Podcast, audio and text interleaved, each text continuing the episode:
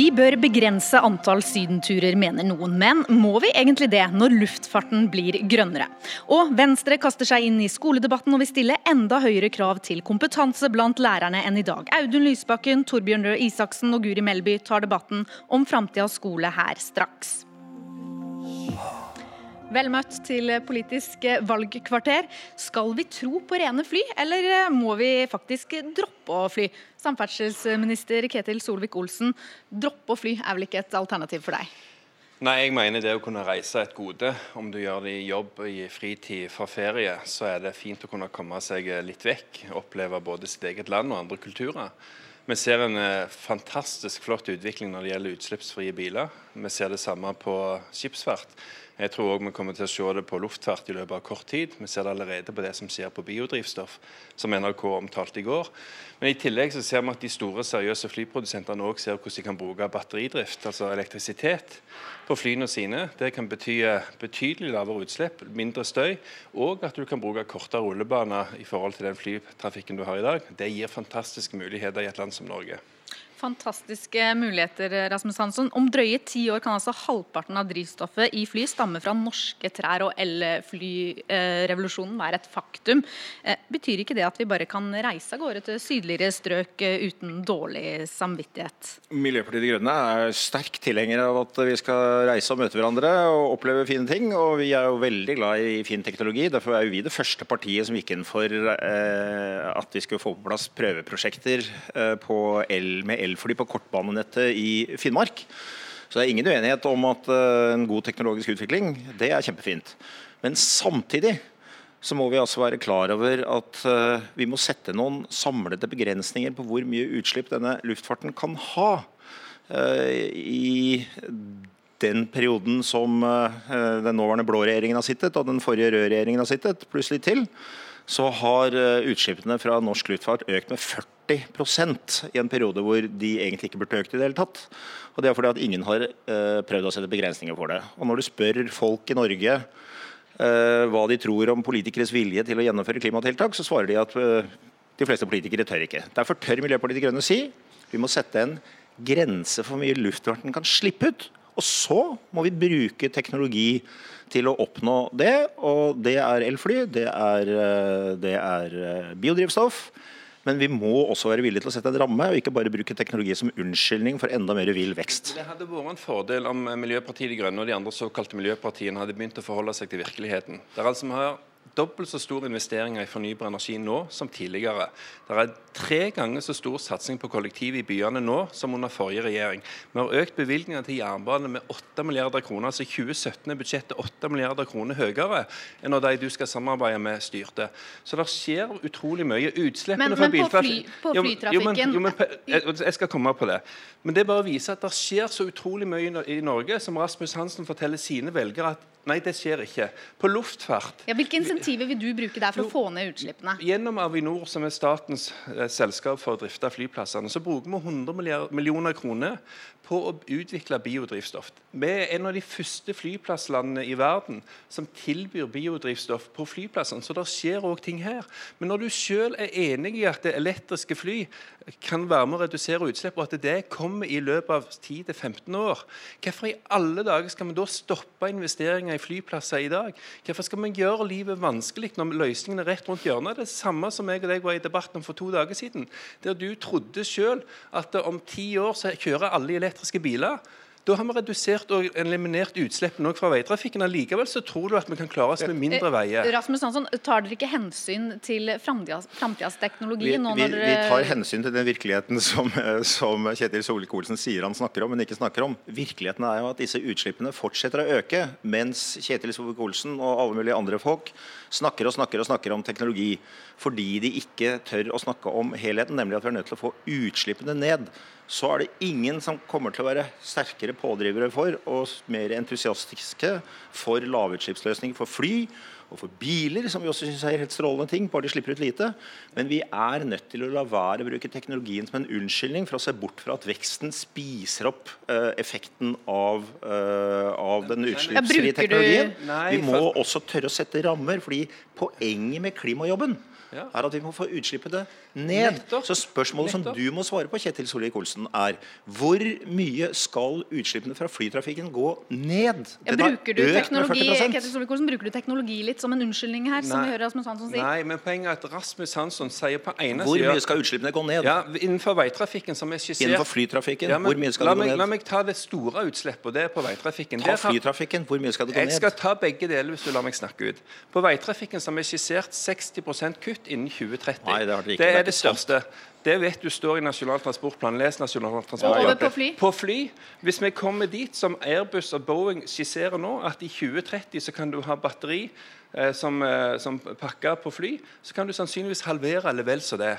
Og Det er jo det som er hele logiske bristen i, ja, men hele logiske bristen i ditt resonnement, som du skremmer velgerne med. det at Du sier på ene siden at du har veldig tro på batteribiler og batterifly, men du tror ikke det skal redusere utslippene. Jo, jeg vil sette et jo, mål, jeg. Ja, men nettopp, men hvis du tror at det reduserer utslippene, så må du jo ikke da slutte å bygge infrastruktur for disse kjøretøyene i dag. Da må vi kunne la den bransjen utvikle seg, og så vil du i løpet av veldig få år på veitrafikken innen 2030, altså innen Parisavtalens eh, utløp, har redusert utslippene med 60% Problemet er bare at du og ditt parti skal jo kutte stort sett all utbygging av vei, så du opplever mer kø, flere ulykker. Uten at du får gevinsten. Ja, Dere går altså til valg på at tog skal ta over deler av flytrafikken. Men dersom flytrafikken blir så miljøvennlig, altså, er det ikke bare til å rulle ut en tredje rullebane?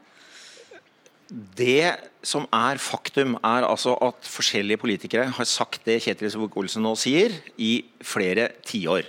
Resultatet har vært at utslippene har økt fordi de bruker teknologi og andre ting som unnskyldning for å si dette kommer til å gå bra, uten å forplikte seg til hvor mye vi skal kutte. Det store poenget er hvis verdens klimautvikling fortsetter som nå, så slår FNs klimapanel fast at det ikke kommer til å gå an å dyrke mat rundt Middelhavet i løpet av dette århundret. Folk som er redd for flyktninger, bør være redde, veldig redde for hva som kommer til å slå, skje da. Når, det, dette er det IPCC sier. Det er den utviklingen vi må stoppe. Det betyr, vi, nei, la meg snakke ut, Da må vi få utslippene ned.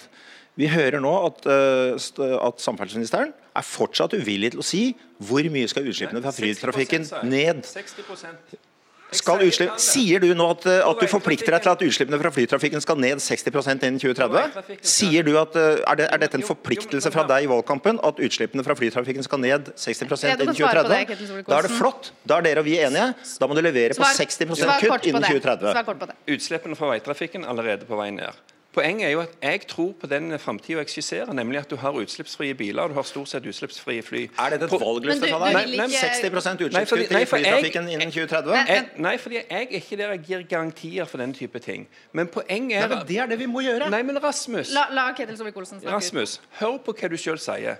Du sier du tror på en framtid med utslippsfrie biler, og utslippsfrie fly, fly. Men så tror du samtidig ikke at utslippene vil gå ned. Det er jo der hele den logiske bristen er. Men vi ser allerede at utslippene er på vei ned. Du later som de er på vei opp. De er faktisk på vei ned. Ketil Solvik-Olsen, NHO Luftfart mener at dersom vi skal få den nye miljøvennlige teknologien, så må vi få en dreining eh, over eh, på skattene flyselskapene og passasjerene betaler til staten eh, i dag. Er du med på, på det?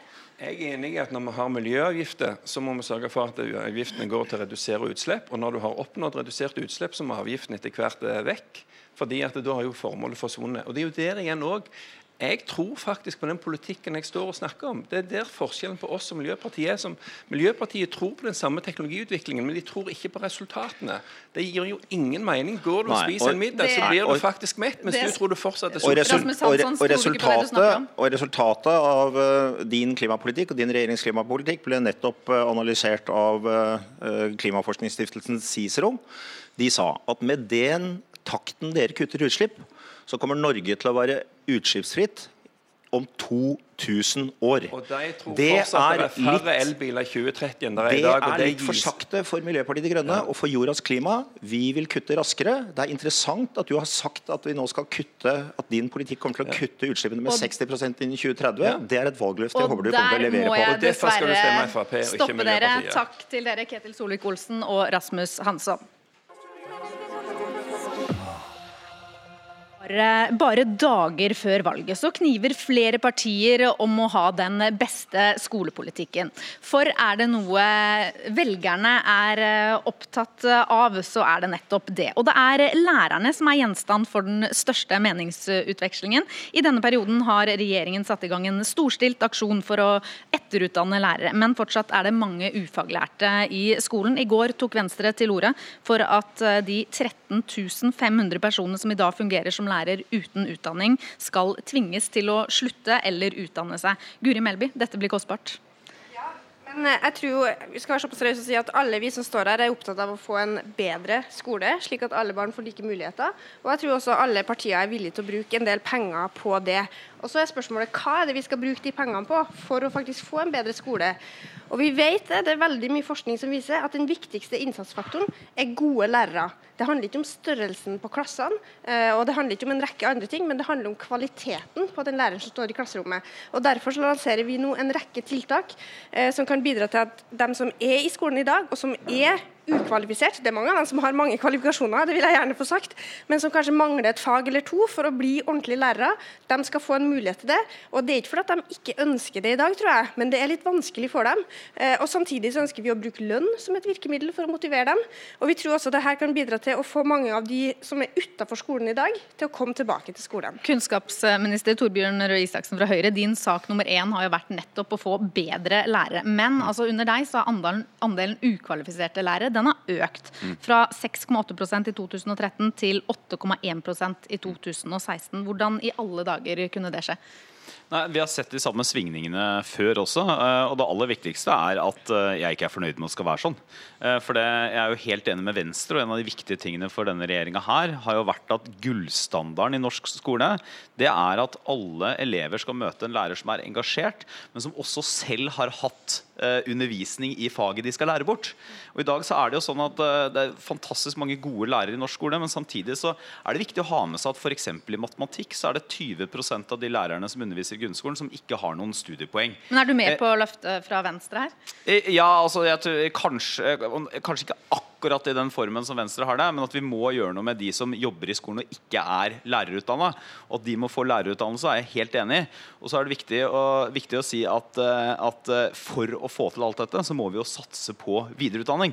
Vi kan jo ikke bare eh, snakke om det, vi må gjøre noe med det. Og det har jo, i, i denne perioden så har jo Venstre og regjeringspartiene allerede bidratt til dette, f.eks. gjennom et eget stipend for dem som jobber i skolen. Ikke i samme form som Venstre, hører vi deg si her. Hva sier du til det, Guri Melby? Altså de, de fire årene som har gått, så mener jeg jo at Venstre har fått med seg regjeringa på veldig mange gode satsinger i skolepolitikken. Og vi har prioritert eh, f.eks. videreutdanning hver eneste gang vi skulle ha forhandla budsjett. Eh, og Så du for at Torbjørn har fått enda mer penger å bruke på det. Ja. Eh, så vi har jo god erfaring med å få til gode tiltak, så jeg tror på at både Venstre og Høyre kan bli enige om gode løsninger her. altså. SV-leder Audun Lysbakken, eh, du snakker mye om at vi trenger flere lærere. Eh, Hvordan i alle dager skal vi få til det, når vi, når vi ser den, eh, disse tallene? Altså, hvis vi skal løse de utfordringene som vi har i norsk skole, så må vi ikke senke ambisjonsnivået for skolen. Vi må øke ambisjonsnivået. Det viktigste kravet til landets lærere ved dette valget det er å få flere lærere, bli kvitt overfylte klasserom. Og vi lytter til lærerne og har det som vårt viktigste krav i forhandlinger hvis vi vinner flertall sammen med Arbeiderpartiet. Så syns jeg utspillet som kom i går, viser veldig godt hvorfor Venstre har mistet så mye tillit som skoleparti. Jeg tror det var mye hoderysting rundt om på skolene. fordi det er jo helt riktig eh, at eh, vi har en utfordring med mange ufaglærte. Eh, Det har økt med nesten 40% under denne regjeringen. Men Venstre og Høyre sammen har jo på punkt etter punkt ført en politikk som forsterker de her problemene. De har avskiltet 33 000 erfarne lærere. Vi risikerer at mange av de forsvinner ut av yrket. De har innført et symbolkrav på lærerutdanningen, dette firekrav i matte, som holder motiverte ungdommer med høye snittkarakterer ute av læreryrket i en situasjon med lærermangel. Det er masse negativ symbolpolitikk og lite handling, mens hovedproblemet altså øker, nemlig at uh, de sier at de skal stille krav, og så er resultatet flere ufaglærte norske. norsk Det, ja, det Lysbakken eh, omtaler som avskilting, hva er det for noe? Uh, det er rett og slett at Vi sier at innen 2025 så skal lærerne som underviser i matematikk og norsk i skolen, de skal selv ha hatt undervisning i det. Det er det Audun Lysbakken snakker om. Ingen kommer til å miste jobben, men vi er opptatt av at foreldrene og elevene skal vite at når du møter en norsklærer, så er det en lærer som faktisk har hatt undervisning i norsk, altså selv tatt norsk, eh, siden videregående. Og så bare én ting til. Audun Lysbakken reiser jo landet rundt og snakker om at det skal bli flere lærere overalt. Men sannheten er at det blir det jo ikke. Altså, det som kommer til å skje med den normen som Audun Lysbakken vil ha, det er at denne byen vi er i nå, hovedstaden, Norges største by, Oslo, kommer til å få 500-700 lærere. Hvis du ser på et fylke som Aust-Agder, et fylke som Finnmark, et fylke som Nord-Trøndelag, så blir det nesten garantert ikke Det blir ikke en lærerstilling per skole engang. Knapt nok eh, Lysbakken, jeg må bare spørre deg, i, i, din iver etter å få flere lærere, glemmer du litt eh, at de også skal være kvalifiserte? På ingen måte. Det er derfor vi har gått imot avskiltingen, vi har gått imot mattekrav, for vi vil ha flere kvalifiserte lærere og få ned andelen ufaglærte som underviser i norske klasserom. Torbjørn Røe Isaksen står bak en svær lærerfiasko der han sier han stiller krav. En lærerfiasko? Ja, fordi han presser også erfarne lærere ut av yrket. Han hindrer motivert ungdom i å komme inn i yrket, og det blir flere ufaglærte. Og så skal jeg svare på dette med flere lærere. Vår lærernorm vil skaffe 3000 nye lærere til norsk skole. Vi kan altså oppnå noe historisk. Vi kan bli kvitt overfylte klasserom. Det vil selvfølgelig skje der overfylte klasserom er et problem. Og så må vi f.eks. for, for skolen i Finnmark sørge for at vi klarer å rekruttere flere. Da er nettopp dette med å f.eks. tilby utdanning til lærervikarer et veldig viktig grep. Guri Melby. Jeg synes Det er morsomt at den måten Audun Lysbakken skal få kvalifiserte lærere, er å senke alle krav. Senke krav til hvordan du skal komme inn på lærerutdanning, senke krav til hva vi skal si når du, hvilke krav vi skal stille til dem som er lærere i norske klasserom. Og det som Vi mener det er jo ikke at vi skal kaste disse folkene ut av skolen. Vi skal ikke avskilte noen. Vi Vi skal gi dem en mulighet til å kvalifisere seg. Og Det er jo den satsinga vi ønsker å utfordre Høyre og regjeringa på, og bli med på å styrke. Vi vil motivere vi, alle dem som er i skolen i dag, til å ta videreutdanning gjennom økt lønn, stipendordninger, mer mulighet for videreutdanning. Dere satsa ikke tilstrekkelig på det. Da, det er jo ingen som er uenig i. Men hva, er den reelle konsekvensen av det dere har vært med på? Dere sier at dere stiller krav, men den reelle konsekvensen er altså at andelen ufaglærte har økt med 40 Det må dere ta ansvar for. Isaksen til å svare på dette. Det er, er sterke ord fra Audun Lysbakken her. Han kaller det en lærerfiasko. Er, er, er, det er ikke noe hold for det i virkeligheten. Altså, Rekrutteringa til lærerutdanningene er eh, høy. Eh, under hvert år under de rød-grønne og de siste årene så har det vært noen ledige plasser, mellom 200 og 800 plasser. Vi har all mulighet til å rekruttere nok lærere samtidig som vi har høye inntakskrav. SVs forslag er jo at man skal nærmest eh, dumpe kravene for å komme inn på lærerutdanninga uh, for å få flere inn. Men, men, men ordet lærerkrise har også blitt, blitt ja, det er, brukt. Det er, hindrer ikke du at vi kan få flere lærere når du setter disse kravene, jo, altså, sånn at det, ikke nok helt, kommer inn på utdanningen? Riktig, det er at ved å ha høye inntakskrav til lærerstudiet. Vi krever jo f.eks. tre i norsk, tre i engelsk, minst 3,5 i snitt, fire i matematikk. Så er det en del som ikke kommer inn på lærerstudiet. Men jeg er grunnleggende uenig i at veien videre for lærerstudiet er at vi senker kravene, at vi gjør det lettere. Jeg tror ikke det bygger prestisje. Jeg tror ikke det rekrutterer flere til Norges desidert viktigste yrke. Men dere yrke. har i praksis ikke økt kravene, for resultatet av deres politikk er at flere ufaglærte vikarer jobber i skolen. Og vi vil ha smarte krav i. Jeg får altså så mange henvendelser fra ungdom med høye snittkarakterer fra videregående skole som har én drøm i livet, og det er å bli lærer. Og de får ikke lov til å bli lærer pga. politikken til Torbjørn Røe Isaksen og Guri Melby. Det er jo helt meningsløst i en situasjon hvor vi har lærermangel. Og de kravene vi fremmer i denne valgkampen, er de samme som lærerorganisasjonene fremmer. Så du er jo Venstre, det gamle skolepartiet, totalt på kollisjonskurs med skal dere få til det. Guri Melby, når dere nå setter dette kravet som gjelder da 13 500 lærere som trengs eh, til stede i klasserommene i dag? Jeg har lyst til å starte med å eh, sitere en eh, partifelle av Audun Lysbakken, som jeg møtte i debatt i går, som sa at det er ikke noe lærermangel i Norge, men det er lærermangel i norsk skole. Og det vi trenger er å motivere alle dem som er lærere, men som ikke jobber i skolen, til å komme tilbake til skolen, og alle dem som er i skolen i dag, til å ta videreutdanning. Derfor har vi en rekke forslag som SV aldri har kommet med, som, som jeg tror vil bidra til det. Det handler om én time mindre byråkrati hver eneste uke. Det tror jeg er viktig for å få flere til å ha lyst til å jobbe i skolen. Det handler om bedre karriereveier. Det handler om økt lønn, 20 000 ekstra til alle dem som tar videreutdanning. Det handler om gode muligheter for å kombinere jobb og videreutdanning. Alt det her vil bidra til at vi løfter alle disse folkene i løpet av en fireårsperiode. Hvis vi skal være realistiske Det er mye vi kan gjøre for å få lærere tilbake i skolen. Men hvis vi skal være realistiske, så er det ikke sånn at vi plutselig vil få 3000 lærere som kan ansettes over natta. SVs eh, oppskrift er jo den sikreste oppskriften vi har på flere ikke-kvalifiserte inne i skolen. Da må jeg dessverre stoppe dere. Takk til deg, Torbjørn Røe Isaksen, Audun Lysbakken og Guri Melby. Og det var Politisk kvarter med Veronica Westrin.